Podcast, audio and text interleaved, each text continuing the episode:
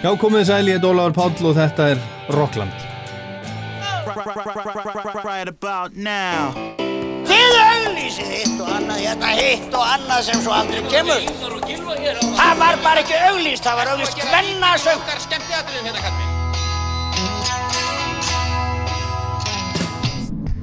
Hvað gerir kvöld? Kíkja á tónleikana? Ekki? Það er ekki beint fyrir mig að vera innan um einhverja brjála úlinga. Hvað minnur þau?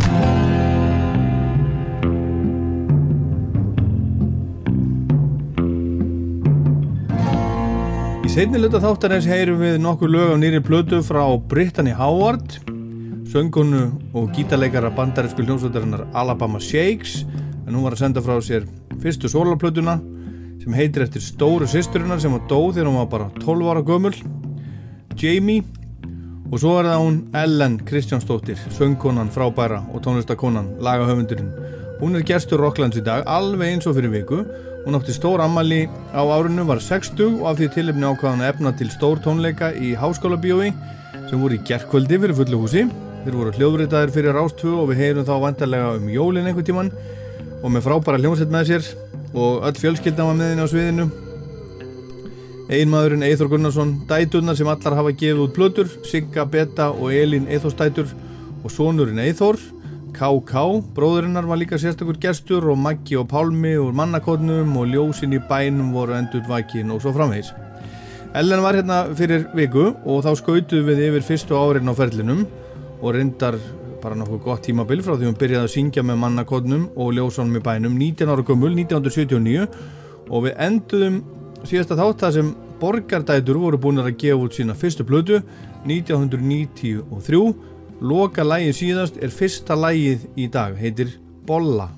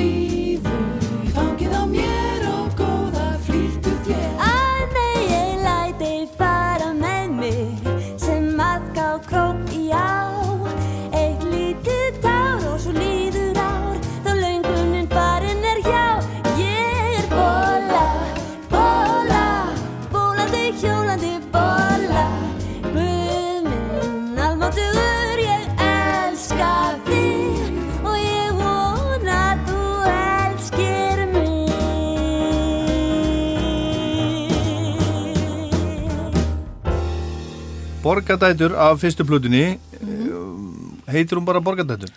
Nei, hún heitir svo sannarlega. Svo sannarlega sjálfsögðu og, og, og Bolla. Já. Hérna, svo er það, uh, svo er það eiginlega fyrsta hljómsveitin þar sem að þú ert, þar sem þú ert Elvis, þar sem þú ert aðal, kombóið. Já.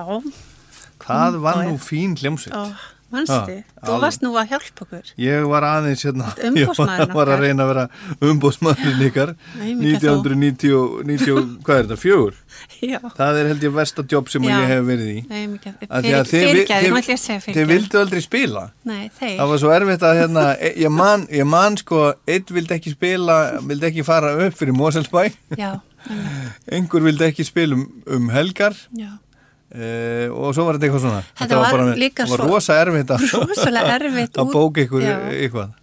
En líka vegna þess að ég var náttúrulega þekkt fyrir þessi mannakostlega og nú er ég að koma með eitthvað nýtt. Já, Og fólk var að ráða mig út um allt. Með það í huga, já, þú myndir syngja bara já.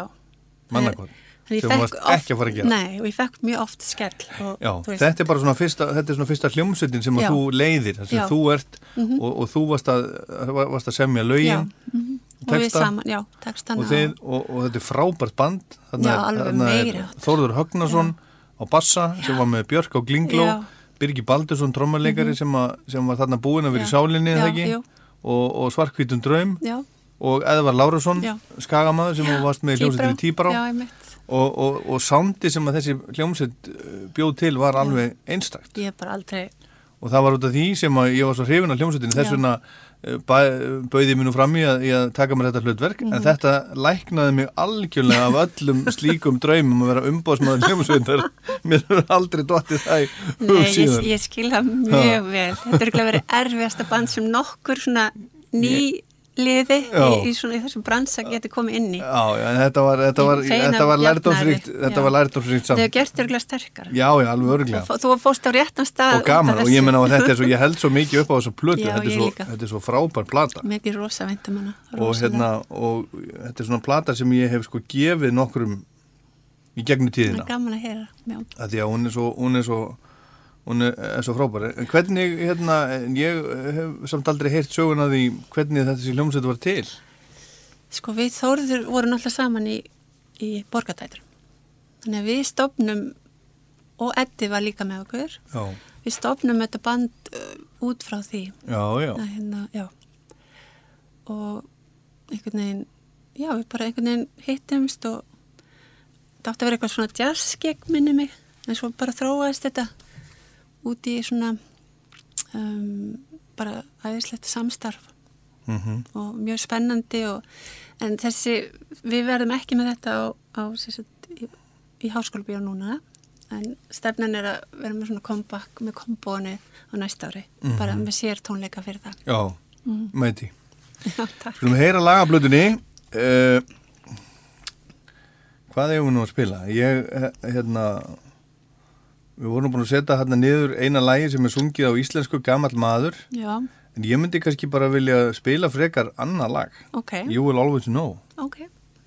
Bara, Ertu sátt við það? ég er alveg sátt við það. Sömdu þið þetta saman? Já, ég semti þetta lag og textan, já, Frábært. Takk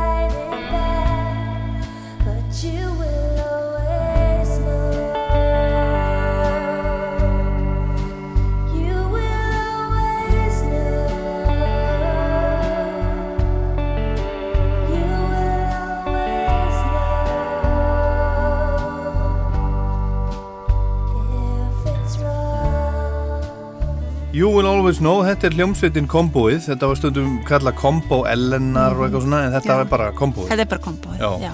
Herðu, þarna, eh, ef, ef, ef ég man þetta rétt, þá var svona eitthvað, eitthvað bras á ykkur, ykkur eithóri. Mhm. Er það ekki? Þið voru eitthvað uh, skilin Já. og einhverju bölvuðu vesinni. Þrjú börn, Já.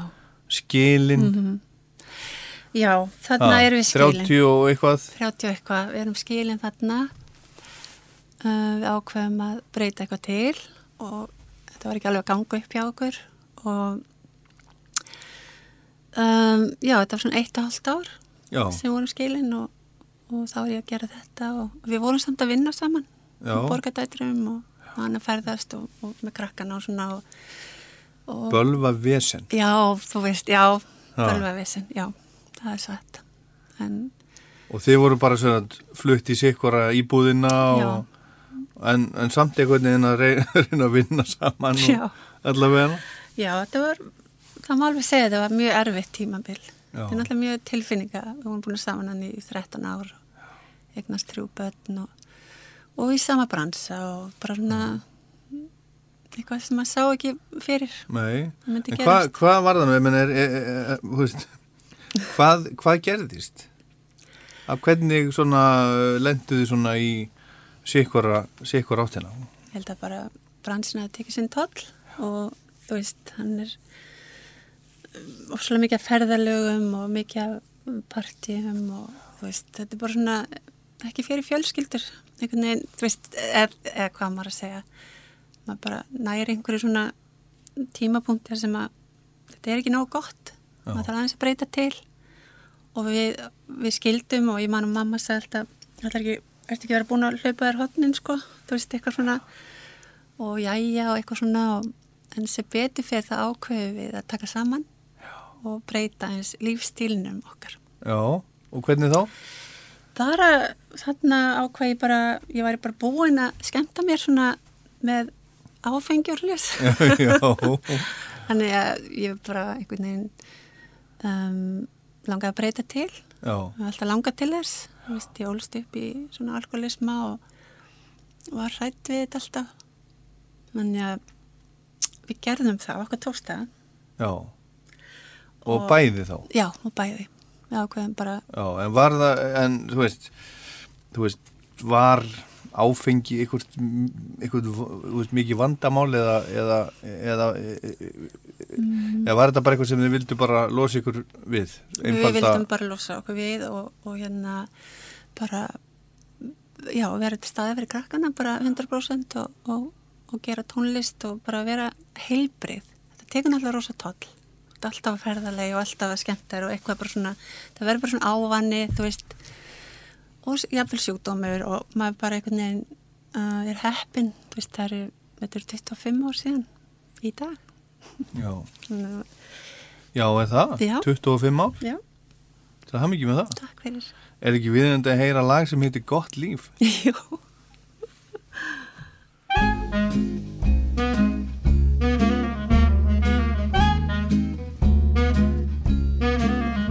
Gott líf er algjör nöðsinn og án þess lifaði ég Og allra best er það einfalt Það og var öllu ég sé Þegar ég fer á fætur þá tel ég fyrst mínar tær. Speklinum er andlit sem einnig var þar í gær. Við morgun verða borði Lífið það er indislegt og einfalt að allri gerð. Gott líf Þetta eru staðir reyndi Er algjör nöðsinn að anda frá sér er gott. Meina þú svona? Að anda að sér er betra. Það er nokkuð til í því. En mitt á milli er flott. Að ganga eftir götu og glugga í búðir smá. Og finna fara hluti sem fara vel hillu á. Kanna hvað þeir kosta og kannski þá hugsa eitt. Að lífið það er ágætt og maður kaupi ekki neitt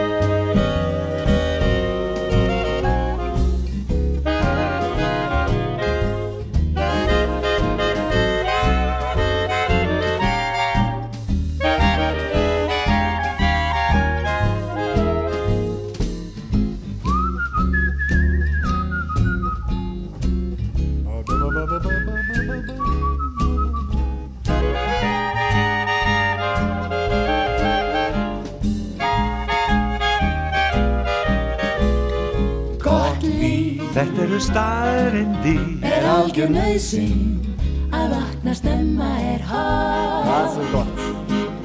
Að sopna aftur er betra. Á meðan rúmið er vor Ef um mér leiðist einni Elda ég fyrir þrjá. Ef enginn kemur í heimsók Ég heimsæki bara þá. Ef síminn hættir að ringja lífið það er ógótt til að láta sér leiðast hálf gott líf. Þetta eru borgadætur af uh, annari, annari plötunni, þetta er 1995 Já. og þarna eru, eru Bubbi og Raggi Bjarnar með ykkur Og Ellen. káká, já. og Káká, Já, við erum allar gott með líf. gott líf heitir Já, þetta. já. Allar með enga hana enga dræfera í, í aðalhutverki að syngja. Um, bara ótrúlega flott. Bubbi syngur með mér. Um, Nei, býtu Jú. Ruggla? Nei, jú, og Há, hvað er eitthvað ruggla í dag? Ok. Uh, Og Kristján er að syngja með Andrið og þetta örugglega allt vittlust hjá mér og Raggi með Berglindi. Og þetta heiti Gott líf. En, og Raggi söng með okkur líka á sjói sem voru með á Hótel Sögu en hann sagði alltaf gott vín. Já. það er alveg skemmt að vera gott vín Hann hefur ekki verið með textablaði í pókanum Nei, hann hló alltaf mikið og við líka bara alltaf voru rosa hissi að kom svo gott líf. Já, en hann er yndislegur já, já, já, og til hamingi með hann við öll Já. 85 ára. Heldur, heldur betur maður. Já, Hann er alltaf í einhvern veginn brosandi er og góðu skapi. Er, hann er alveg fyrirmynd. Já. Talandi um, um, um bros gleði fólkið já, er næsta plata sem við ætlum að heyra, heyra laga og þar er nú eitt af svona eitt af þínum og ykkar bróðins stærstu lögum I Think of Angels Mhm. Já. sem hann samti upp á lofti á vagninum á Flateyri Passar. eftir að hann heyrði að, að sýstir ykkar hefði dáið í já eftir, eftir við komum heim Já, það er þannig Já, við fórum sko, hún dó úti og við fórum öll út strax og hann var svona maðurinn að halda utan um alla. Þannig að hann hafði í rauninni ekki mikið tíma til þess að syrkja og svo var ekki fyrir að koma heim og fór svo beint eh, að spila á, á flateri þá, þá fór hann upp bara einn og samt þetta lag til yngir sýstir. Og hérna, já, bara það var hans leið til þess að syrkja.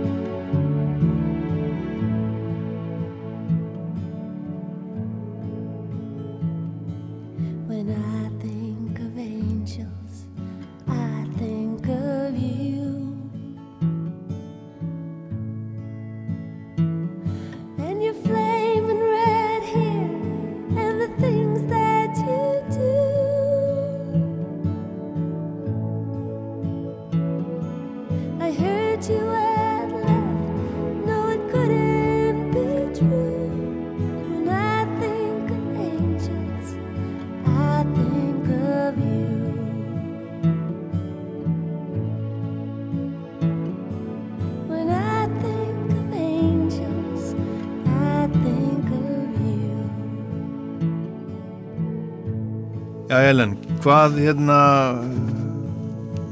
hvað svona rennur í gegnum hugan þegar, þú- heyrir þetta í dag, öllum þessum árum setna? Um, ég er bara ótrúlega þakklátt fyrir þetta lag. Þetta er náttúrulega, ég veit þetta hefur glatt sýstu mína mjög mikið og þetta er búið að við erum, okkur hefur verið treyst fyrir að syngja þetta, ég veit ekki, á svo mörgum stöðum og mér þykir bara alveg ótrúlega vænt að mynda lag. Þetta er alveg, sérst, um, að ég veit ekki hvernig, ég var nýbúin að vera út í bandarækjanum hjá dóttur sýstu minna sko og fyrsta sem hún sagði bara hún elskar þetta lag sko það er bara, Já, já, all íslenska þjóðin kann þetta og syngur, syngur með, sko. og svo stundum mig og Kristján var spurður, veist, akkur má ekki því þetta íslensku en sýstur okkar talaði bara ennsku Já, Hún var- hún skildi íslensku en hún var búin að búa svo lengi og Já. ólst upp úti þannig að hann, þetta var bara hennar lag einhvern veginn, hefur alltaf verið Já, og hún var 14 ára meldri en þú, Já, hún var 47 ára þegar hún dó hugsa sér. Já. Herðu, þetta er 95, svo hérna eh, 97 þá eignastu eh, síðasta barnið, Já. ég allavega enn sem komið er. Þakka Ha. fyrir hólbáli, ég held að sé Þú ætlar ekki að, Nei, ekki nei, að bæta, bæta við. og sé allt hægt í þessu vísindi Já, já, allt, það er allt mögulegt, mögulegt. En þarna þegar hann, þegar hann, hérna, hann var fættur þegar þú gerðir fyrstu sólplötuna. Já, hann er einsás Hvað varst að, hvað varst að pæla? Okkur beðstu svona lengi? Okkur, okkur kom ekki sólaplata frá því fyrir en, mm, fyrir en þarna? Þú, þú varst að verða fertug. Já uh, Já, það er rétt ég var að vera fært, ég veit ekki af hverju ég var bara, veist, ná að gera alveg um, bara einhvern veginn ég var ekkert að spá, það var ekkert sérstætt sem kalla á mig, ég var reynda búin að taka fullt efni og fyrir ekki að bæði með bara hinum og þessum og taka upp í hljóðrita og mér fannst það aldrei nóg gott, skilur, já, fullt af efni sem að hefur aldrei komið út. En þetta er svona sól og þetta er náttúrulega ekki, þetta er svona coverplata náttúrulega, þetta er bara Julie London lög, af því þetta var eitthvað sem ég ólst upp við. Mm Svo fengum við fyrir Rík Ellings til þess að þýða textana og Ómar Ragnarsson á eitt texta Mhm. og, og mér þykir bara rosalega væntum hann disk. Ég meina, við tókum hann upp og þetta er einmitt svona blanka tímabilið sem engin átt pening og við tókum hann upp í stúdíu í Borgatungni þar sem að bæði Kristján var að kenna og var með herbyggi og Eithor var með herbyggi Gunnars og við og svo Sigur og svo voru, voru hann að byrja að taka Já. upp fyrstu plötu Þeir voru með stúdíu saman, Sigur Já. og, Kristján. Já, þess að þeir voru með stúdíu en við vorum með Já, herbyggi sem við leiðum við Mhm. hliðina á þeim og við tókum upp þennan disk þar Kristján gaf hann út hún heitir Ellen Já, Lægust. Kristján gaf hann út. Já, Já, er hann góð, góður útgefandi og businessmaður? Hún er til dæmis ekki á Spotify þessi blata? Nei, hann er aðalega tónlistamæður hann er nóg að gera nei, hann, hann var mjög góður í þessu sem hann gerði og hérna og það er gaman að segja frá því að Ragnar Kjartansson gerði coverið Já. á þessum fyrsta diski mínum ég held sé fyrsti, fyrsta cover hans, ég veit ekki samt og Jónsi í Sigurós tók upp Já, já. hluta blöðinni, þannig að mér þetta svolítið mikið svolítið væntum En- og svo náttúrulega er, er Tómas R. Einarsson bassaleikari og Guðmundur Pétursson fara alveg á kostum En okkur er Julie London? að því mamma hlustaði á ekkert annað frá ég mann eftir mér ég á þessu plötu, hún er algjörlega bara Sæða Julie London blötuna? Já, ég þarf örugglega að ramma hann inn, hún er svo, hún er svo gömul og, og notið, sko. Já. Já, mamma elskaði hana. Hvað er að heyra þessar blötu? Ég held bara, er ég vakna? Mér þykir svolítið vænt um það.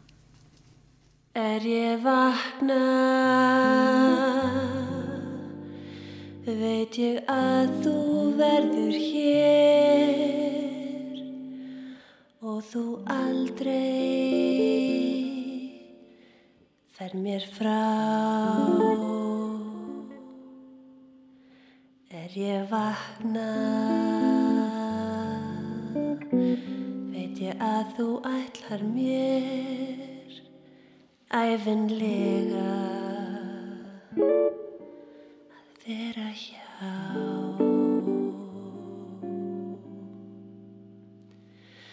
Er ég vakna,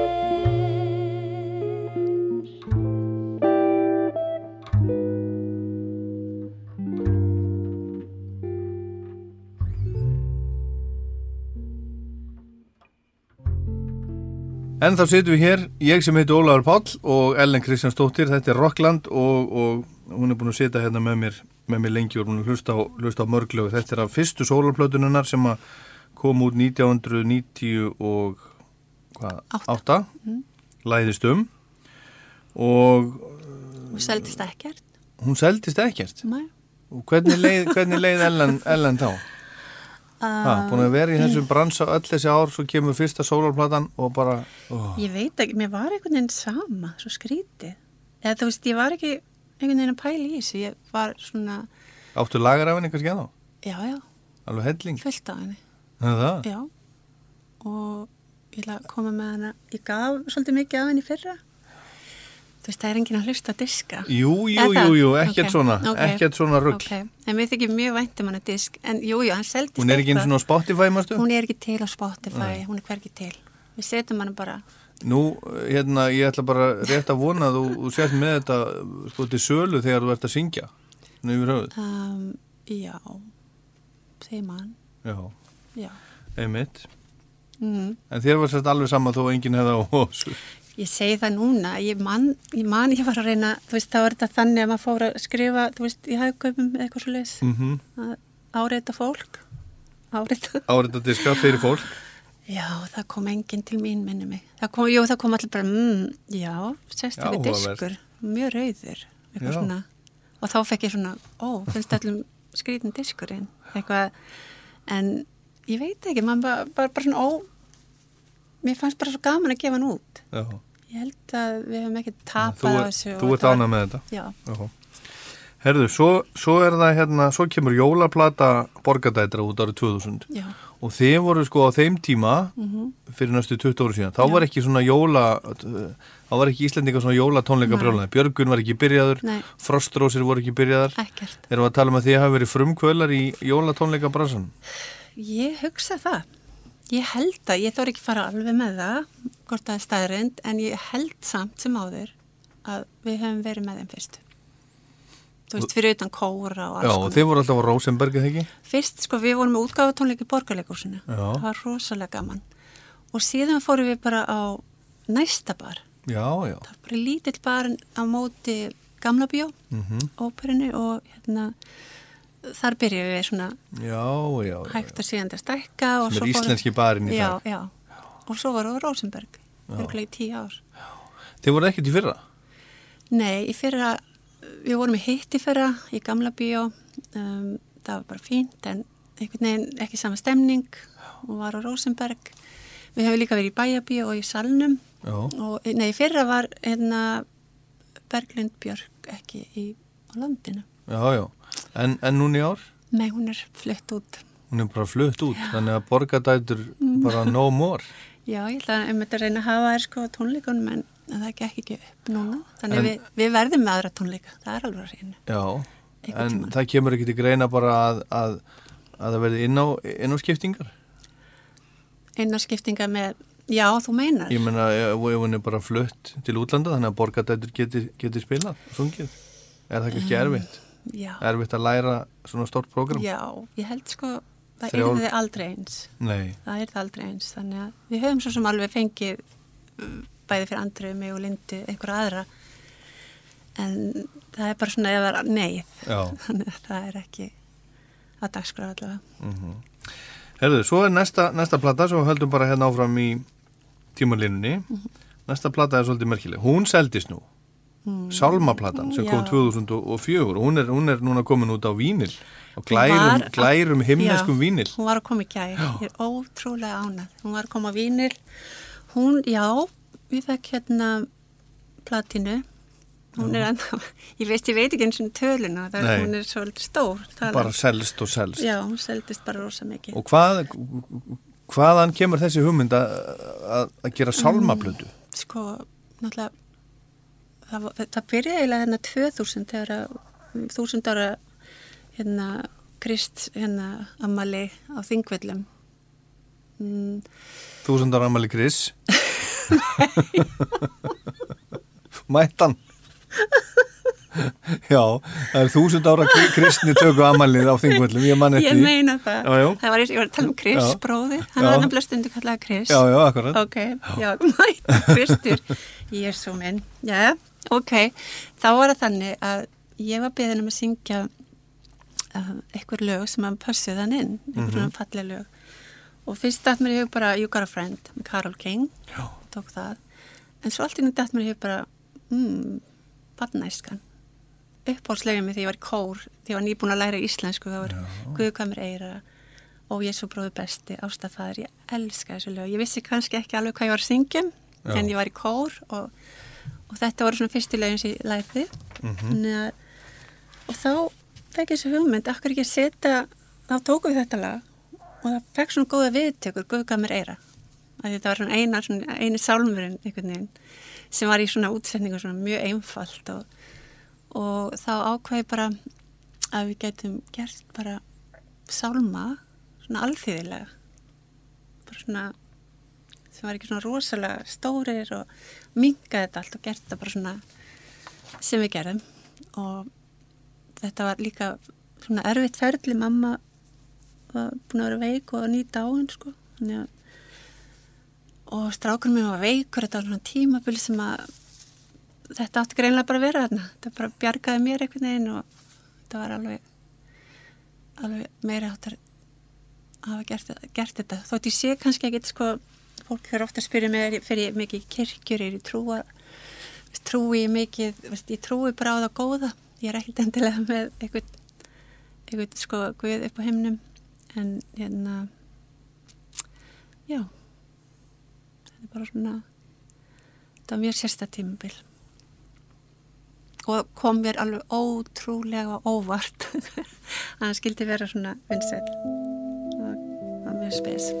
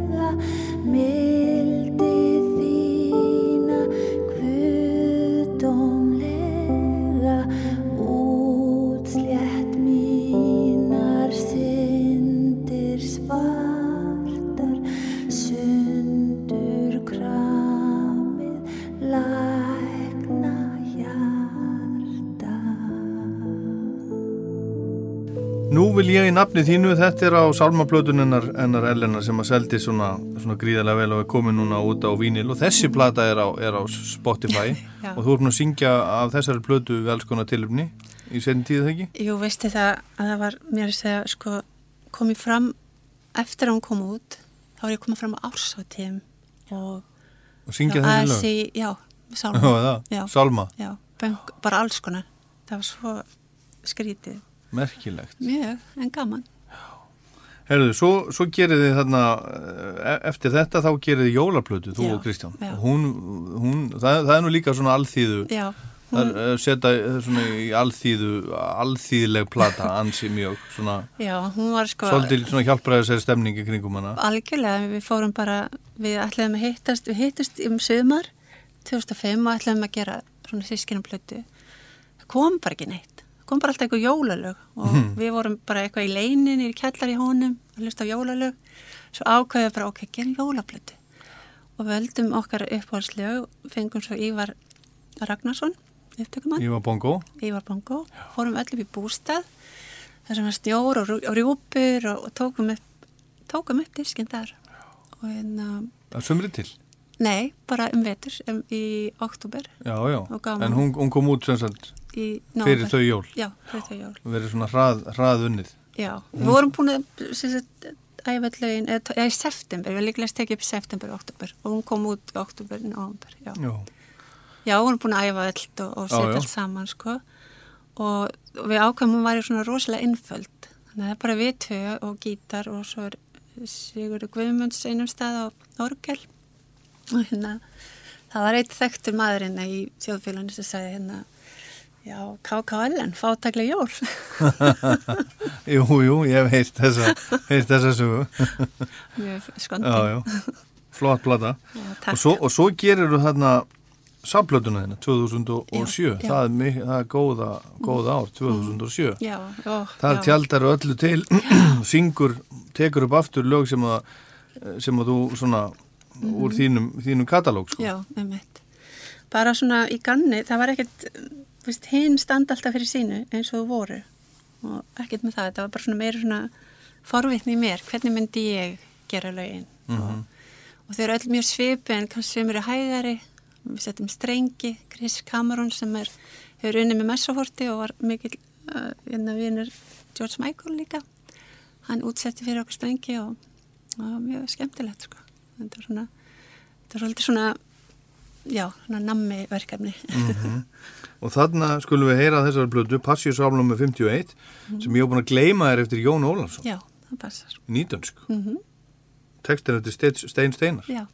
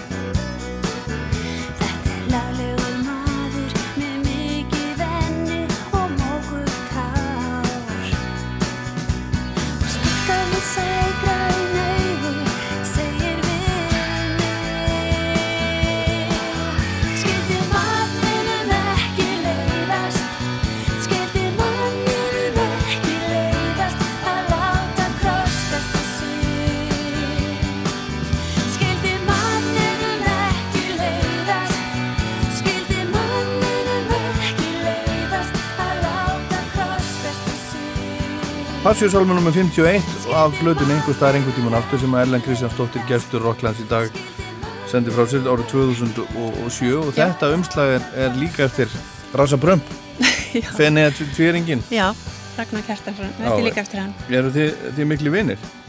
Mm, við, við kynntumst bara þarna í þessu ferli, hann er mjög ungur og er að koma úr skóla og eitthvað svona þegar hann gerir fyrsta albúmið mitt Mm en svo gerir hann þetta við erum ekki beint vinir en ég held að okkur, mér er ekki mjög vænt um hann ég held að okkur Mhm. ekki ég var vænt um hvort annað við erum ágætt svona. Já.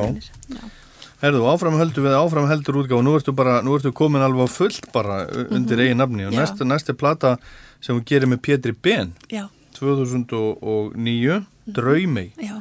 Hvernig vildi það til að, að, að þið vinni saman? Þannig er Pétur náttúrulega búinn að gera murmur með Múkisson eða ekki Jú, og það allt saman. Þannig að hann var svona hot cat? Hann var hann er bara endislegur hann, já, hann bara ég, það bara kom einhvern veginn til. Við hittumst og ákveðum og við saman við sen, ég var hjá senu og við ákveðum að gera þennan disk saman.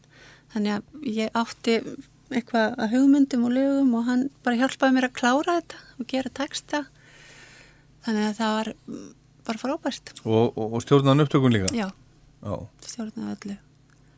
Það var æðislegt hann er alveg meira áttur Auðvelt að vinna með honum? mjög svo. Mjög dásanlegt hann er bara Hann er, nú, hann er nú hérna hann er líka, kemur úr sunnudagaskólanum því að við geta sungið sálma saman. Já, já, öruglega. Hann, sko, já, ég var aldrei í sunnundarskóla samt, en, en hann er hann í sunnundarskóla. Já, já. Ok, Hann og konuna sá að verið, verið held ég, ég held að það sé ekkert, ekkert, hérna, ekkert rugl í mér nei, ok, ég, ég bara... verið hérna í, í ég held það, ég Já. mann rétt hérna í Jú. laugarneskirkju eða eitthvað svo leys Já, við veit það. Æ, nú erum við komin út fyrir Já, ég veit ekki neitt, ég man það ekki. Ég man Þeir ekki bara- neitt, þú nei. manst ekki neitt heldur Nei, ég Skulum man bara ekki heyra neitt. Þetta er draumei þátturinn, ég man Já, ekki neitt. Já, heyra draumei Ok, sem er eftir sjón og mig. Já, Björt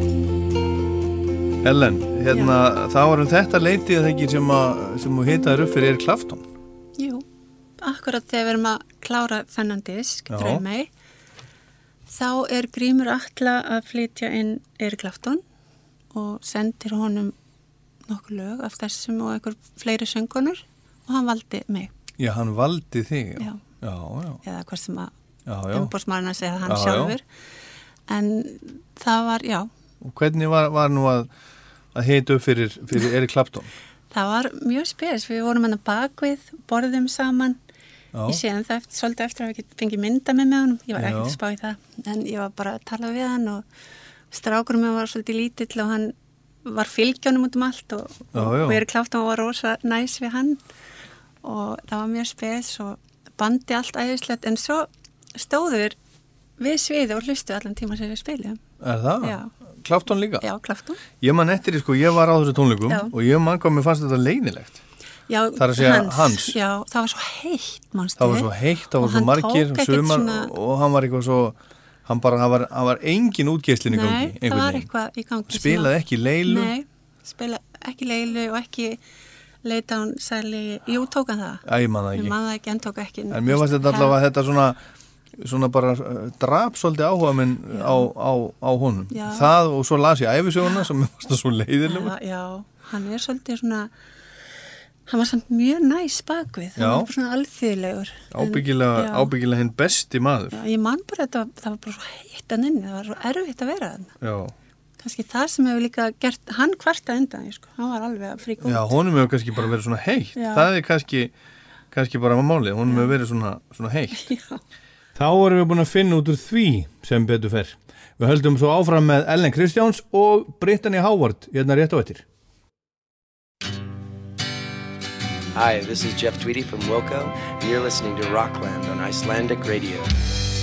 Þetta er Rockland og ég heit Ólafur Páll og gestu þáttarins er eins og fyrir viku síðan Ellen Kristjánsdóttir og svo heyrum við í Brittany Howard úr Alabama Shakes hérna á eftir. En höldum áfram með, með lög með Ellen og næsta lag sem við erum hérna með er lag sem var mikið spilað hérna hjá okkur Rástöfu. Mhm. Að mannakotna plötunni von. já, Elska þig. já, Það eru margir sem elska það. já og ég líka, elska það Þannig að eitt, eitt en lagið eftir Magnús Eiríksson sem er algjörlega algjör perla hann er náttúrulega bara eitthvað svona ég skil ekki, hann, svo er hann svo letræður pældi honum.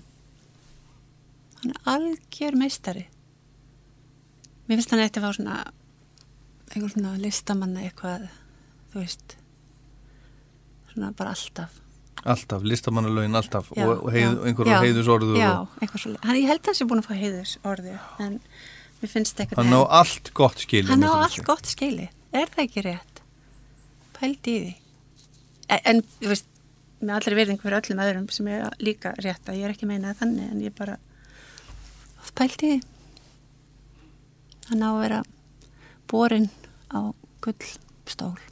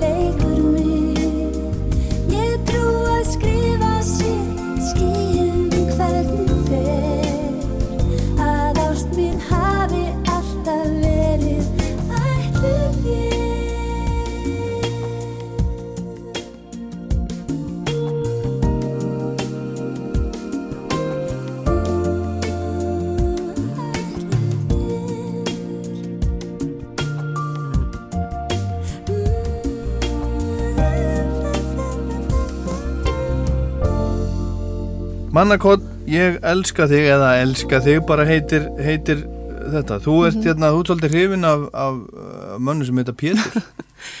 Já, Næ- Næsta plata sem þú gerðir, það var ekki Pétur Ben, heldur Pétur Hallgrímsson það er rétt, sem að hefur verið að spila núna undanfarn ár með John Grant. passar í mitt. Hvernig vildi það til að þið gerðu saman plötu? Um, við þekktumst einhvern veginn og, og hittumst og, og svo ákveðum við bara að hann var að vera að semja eitthvað.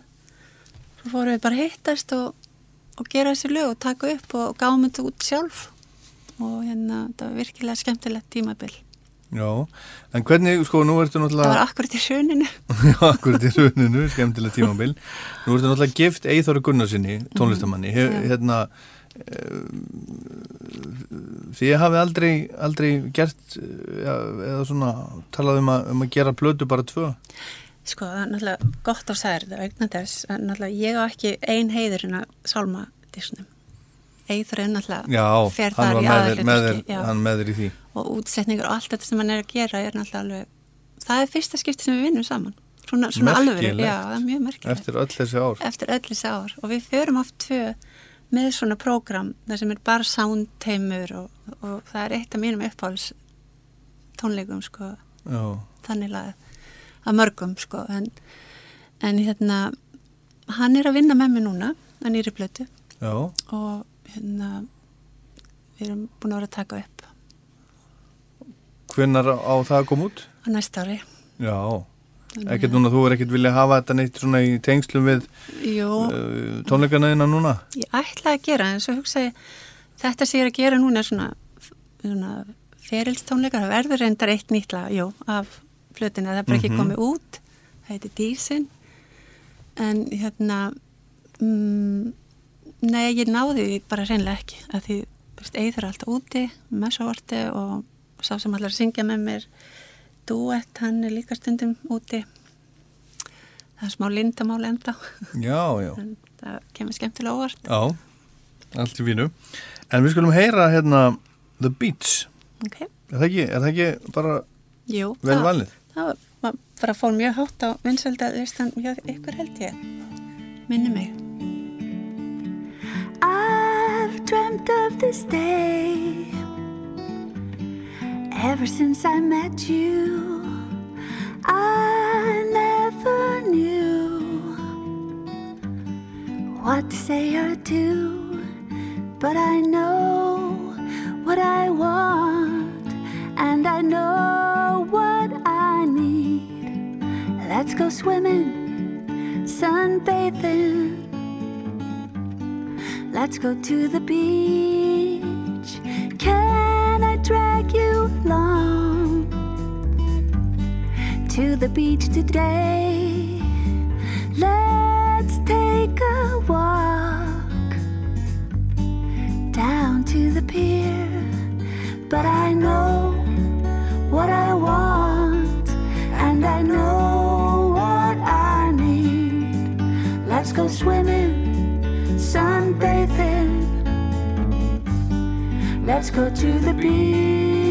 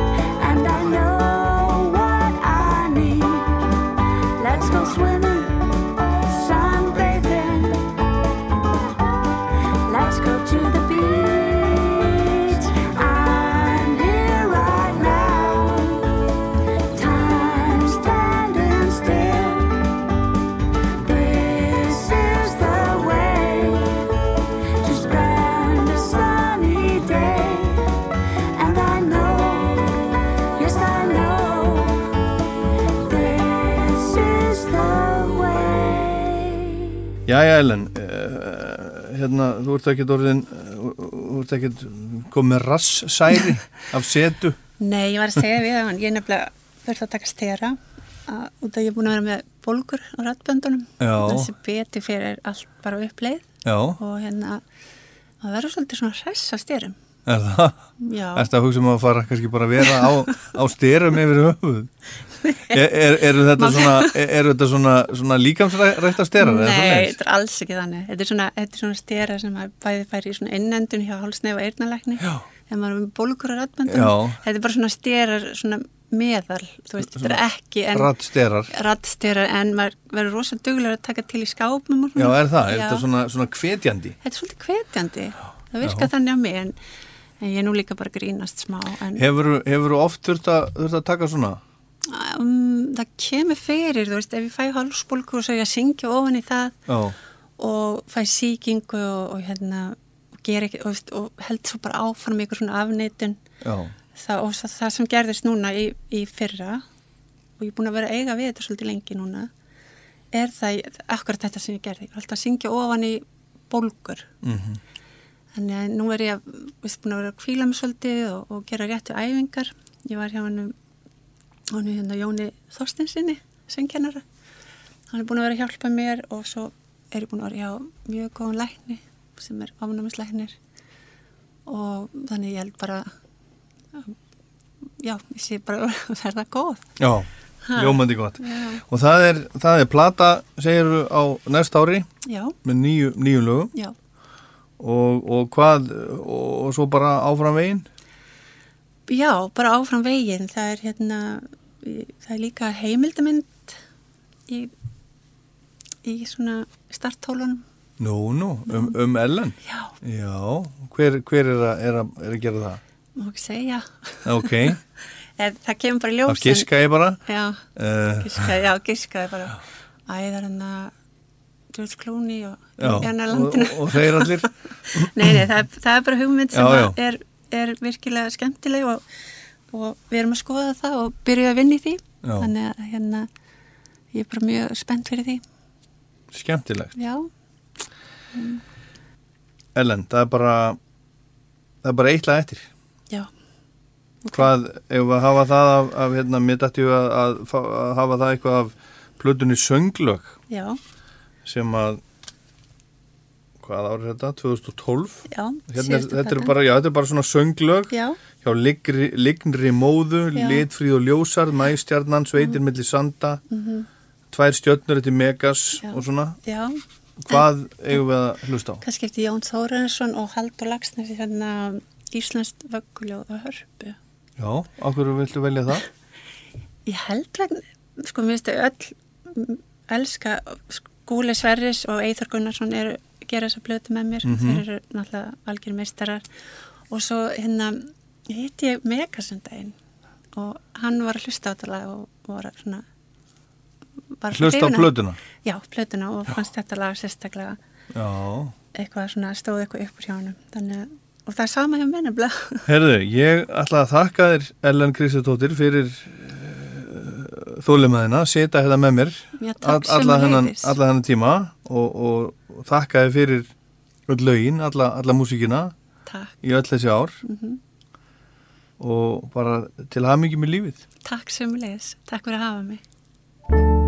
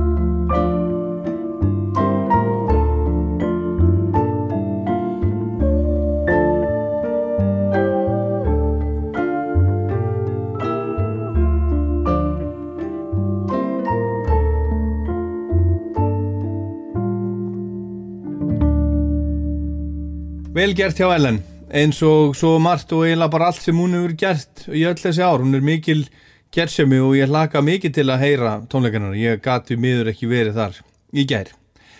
Og Ellen takk fyrir allt þitt. Þú er búin að gleðja svo marga, svo oft og svo lengi. Takk. How do you say this is James Taylor in Icelandic?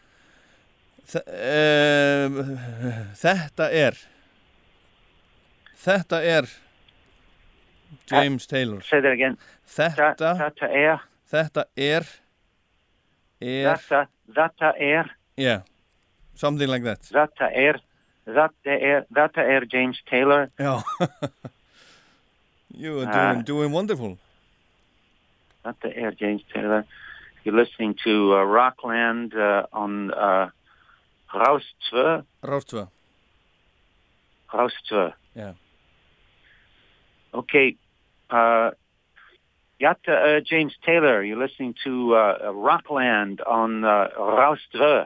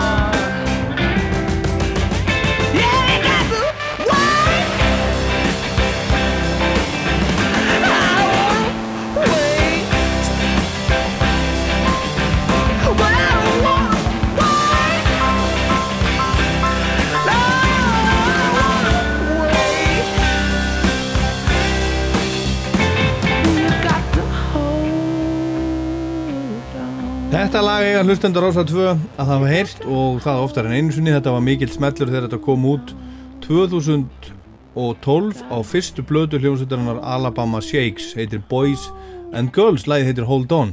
Þetta fór eins og eldur í sinu um allan heim á sínum tíma. Nafnið Alabama Shakes var á allra vörum og þessi nýja óþögta hljómsveit hlaut Grammy velun fyrir lagið Best Rock Performance.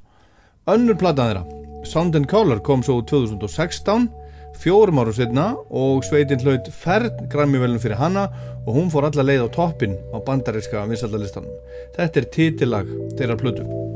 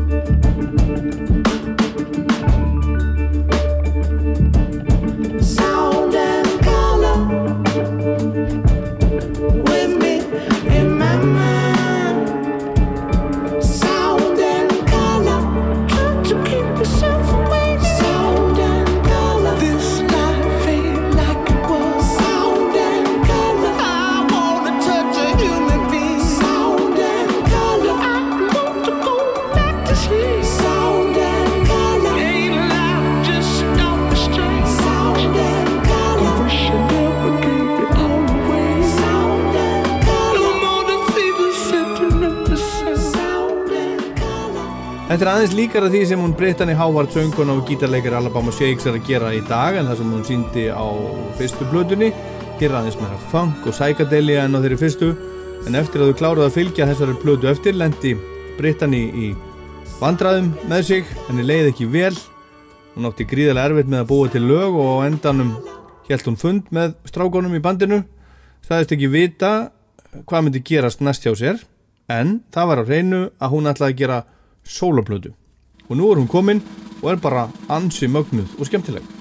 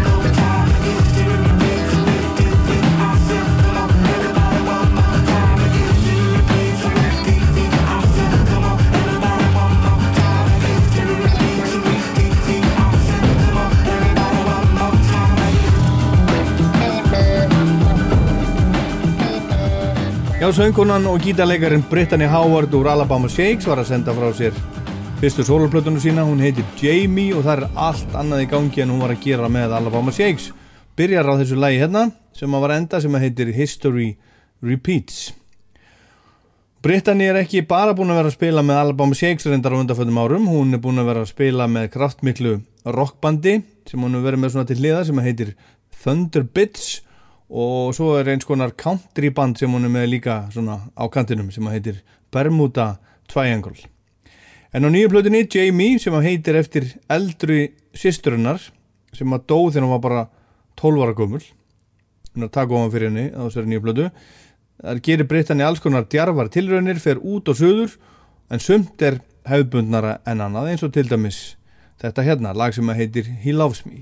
But we Christians missionary, Miss Church.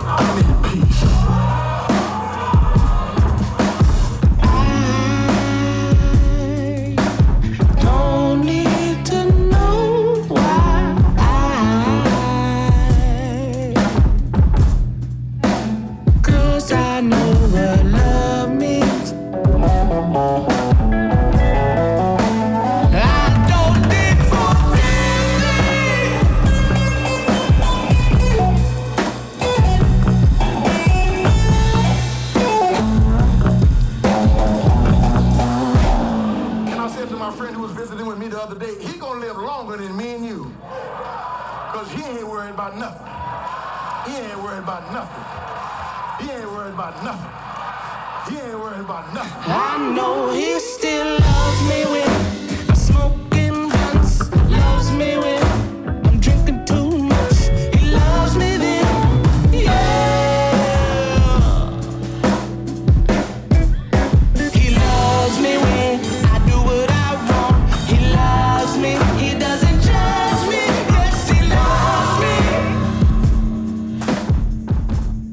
Tilraunarkjent Sálar Pop, Brittany Howard úr Alabama Shakes og lægið He Loves Me á nýju plötunni, Jamie.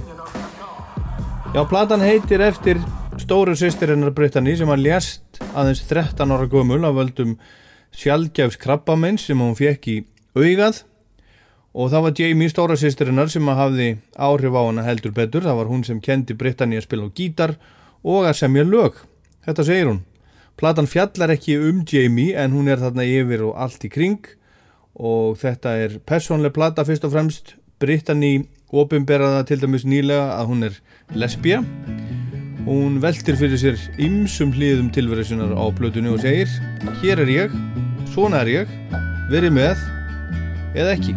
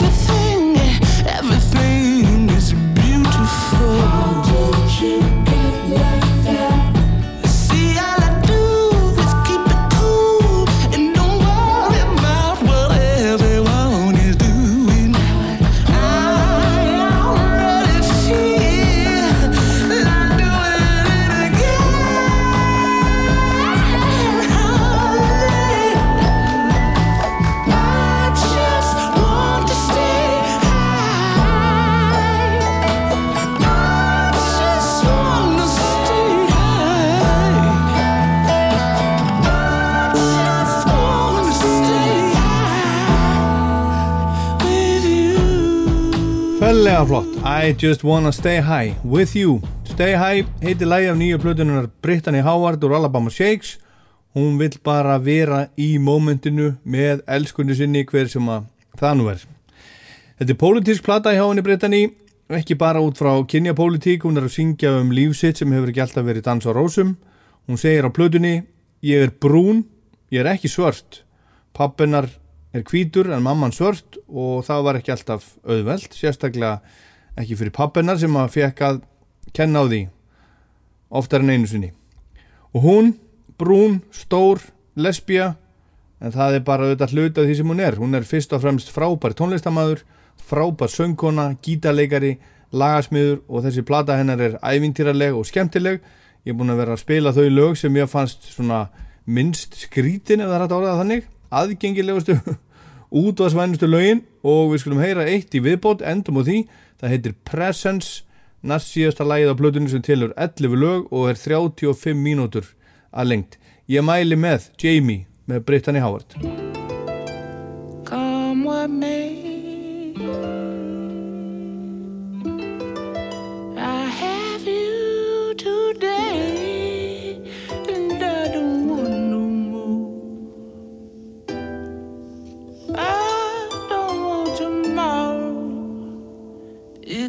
promises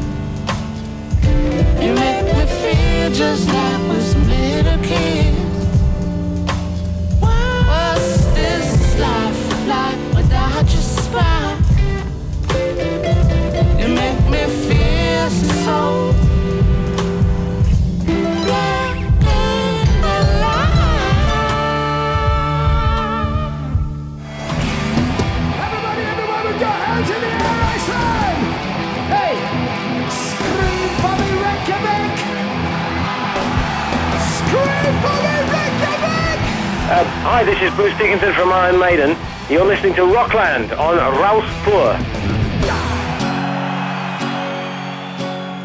It was easier to have fun back when we had nothing, nothing much to manage. Back when we were damaged.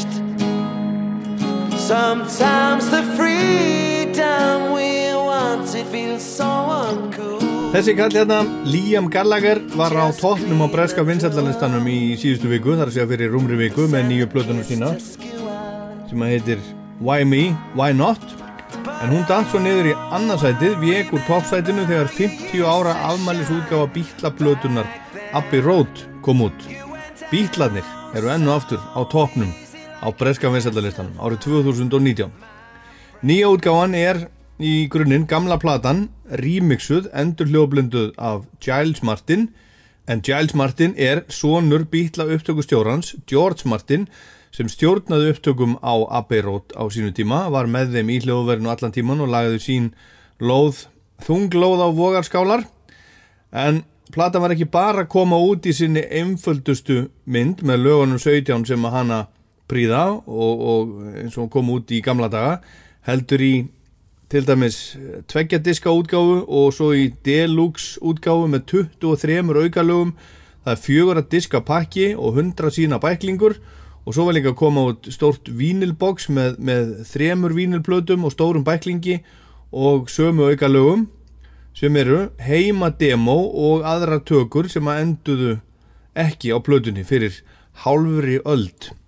Og platan remixuð er komin á Spotify líka og til hliðar við plötuna er playlisti sem að heitir The Abbey Road Experience og þar er Giles Martin að segja frá og blanda svo saman lögum af upphaflegu plötunni remix, uh, remixuðu lögunum og önnur í þessum pakka Abbey Road kom út 27. september 1969, þetta er 11. bítlaplatan svo 12. Let It Be sem kom út í mæ 1970 var í rauninni tekinu upp á undan Abbey Road þannig að þetta er í rauninni síðasta platan sem að þeir taka upp en hún kom út uh, þar að segja Let It Be mánuð eftir að bítlandir hættu formlega að starfa saman 1970 Hi there Welcome to the Abbey Road experience. You're about to listen to Abbey Road, the last album the Beatles made, but one of their greatest albums.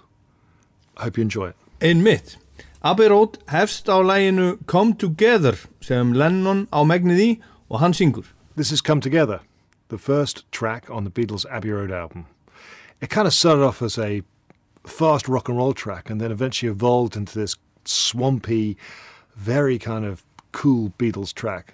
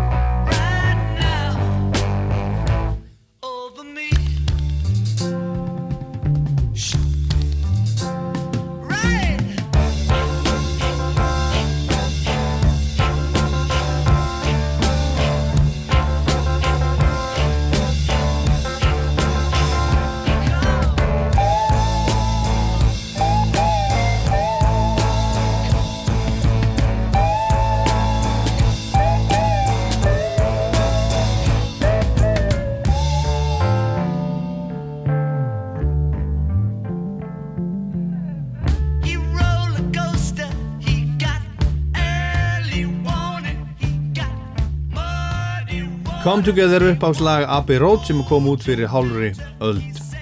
Ringo Starr, trommar í bílana, hann átti yfirleitt að minnst kosti eitt laga á öllum bílablötunum sem hann söng í það mista og á Abbey Road er hans stund í sviðsljósunu Octopus's Garden. Ringo samtilagið og syngur það. Octopus's Garden is Ringo Starr's song on the album. Listen out for him blowing bubbles with a straw into a bucket to create the sound of being underwater.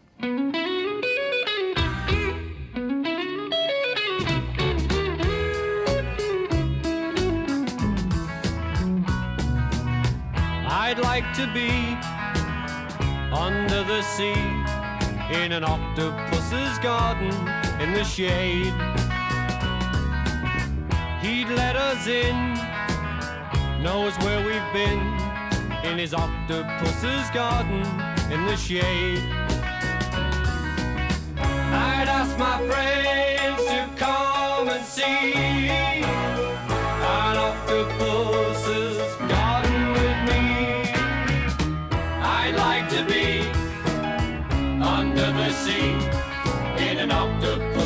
garden in the shade.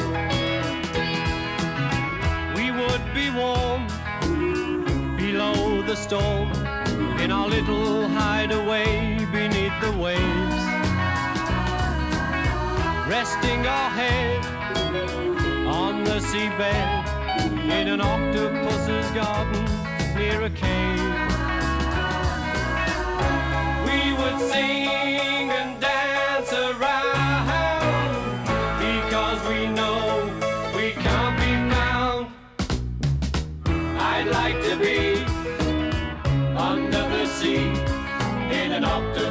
octopus's garden in the shade.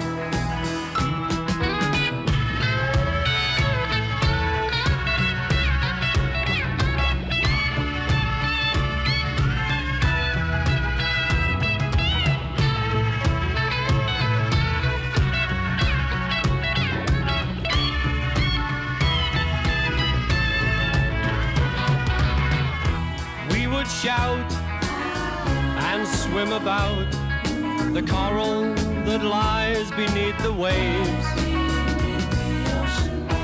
Oh, what joy for every girl and boy, knowing they're happy and they're safe.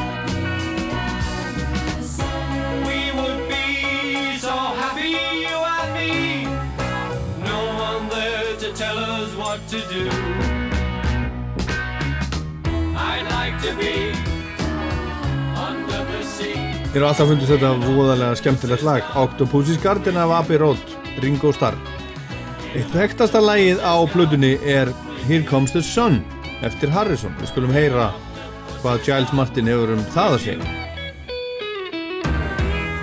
Here Comes the Sun off Abbey Road is one of George Harrison's most famous compositions. Listen to the studio outtake, which is just a simple version of George playing the guitar and singing, with Paul McCartney playing bass and Ringo playing drums. And listen to the full version that you know. And let's now for the, whole orchestra and the Moog synthesizer that make the record complete.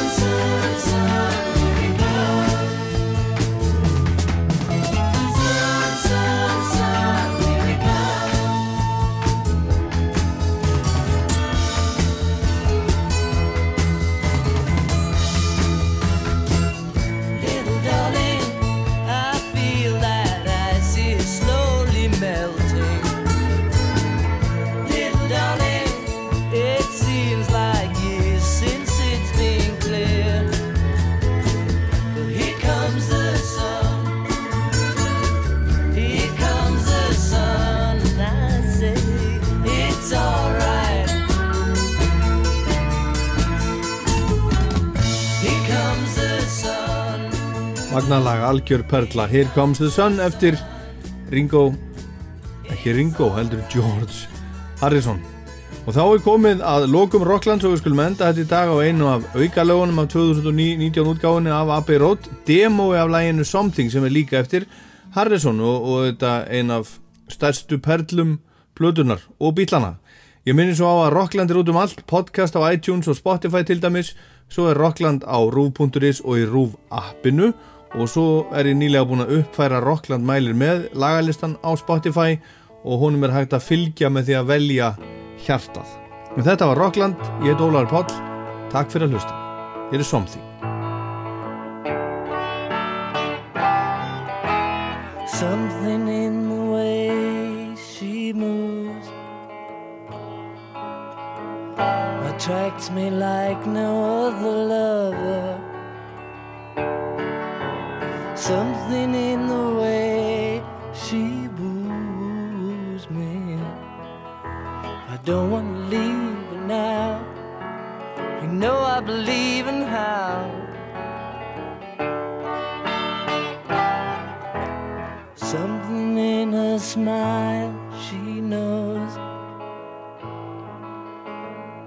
that I don't need no other lover. Something in her style that shows me I don't want to leave now. You know I believe in how.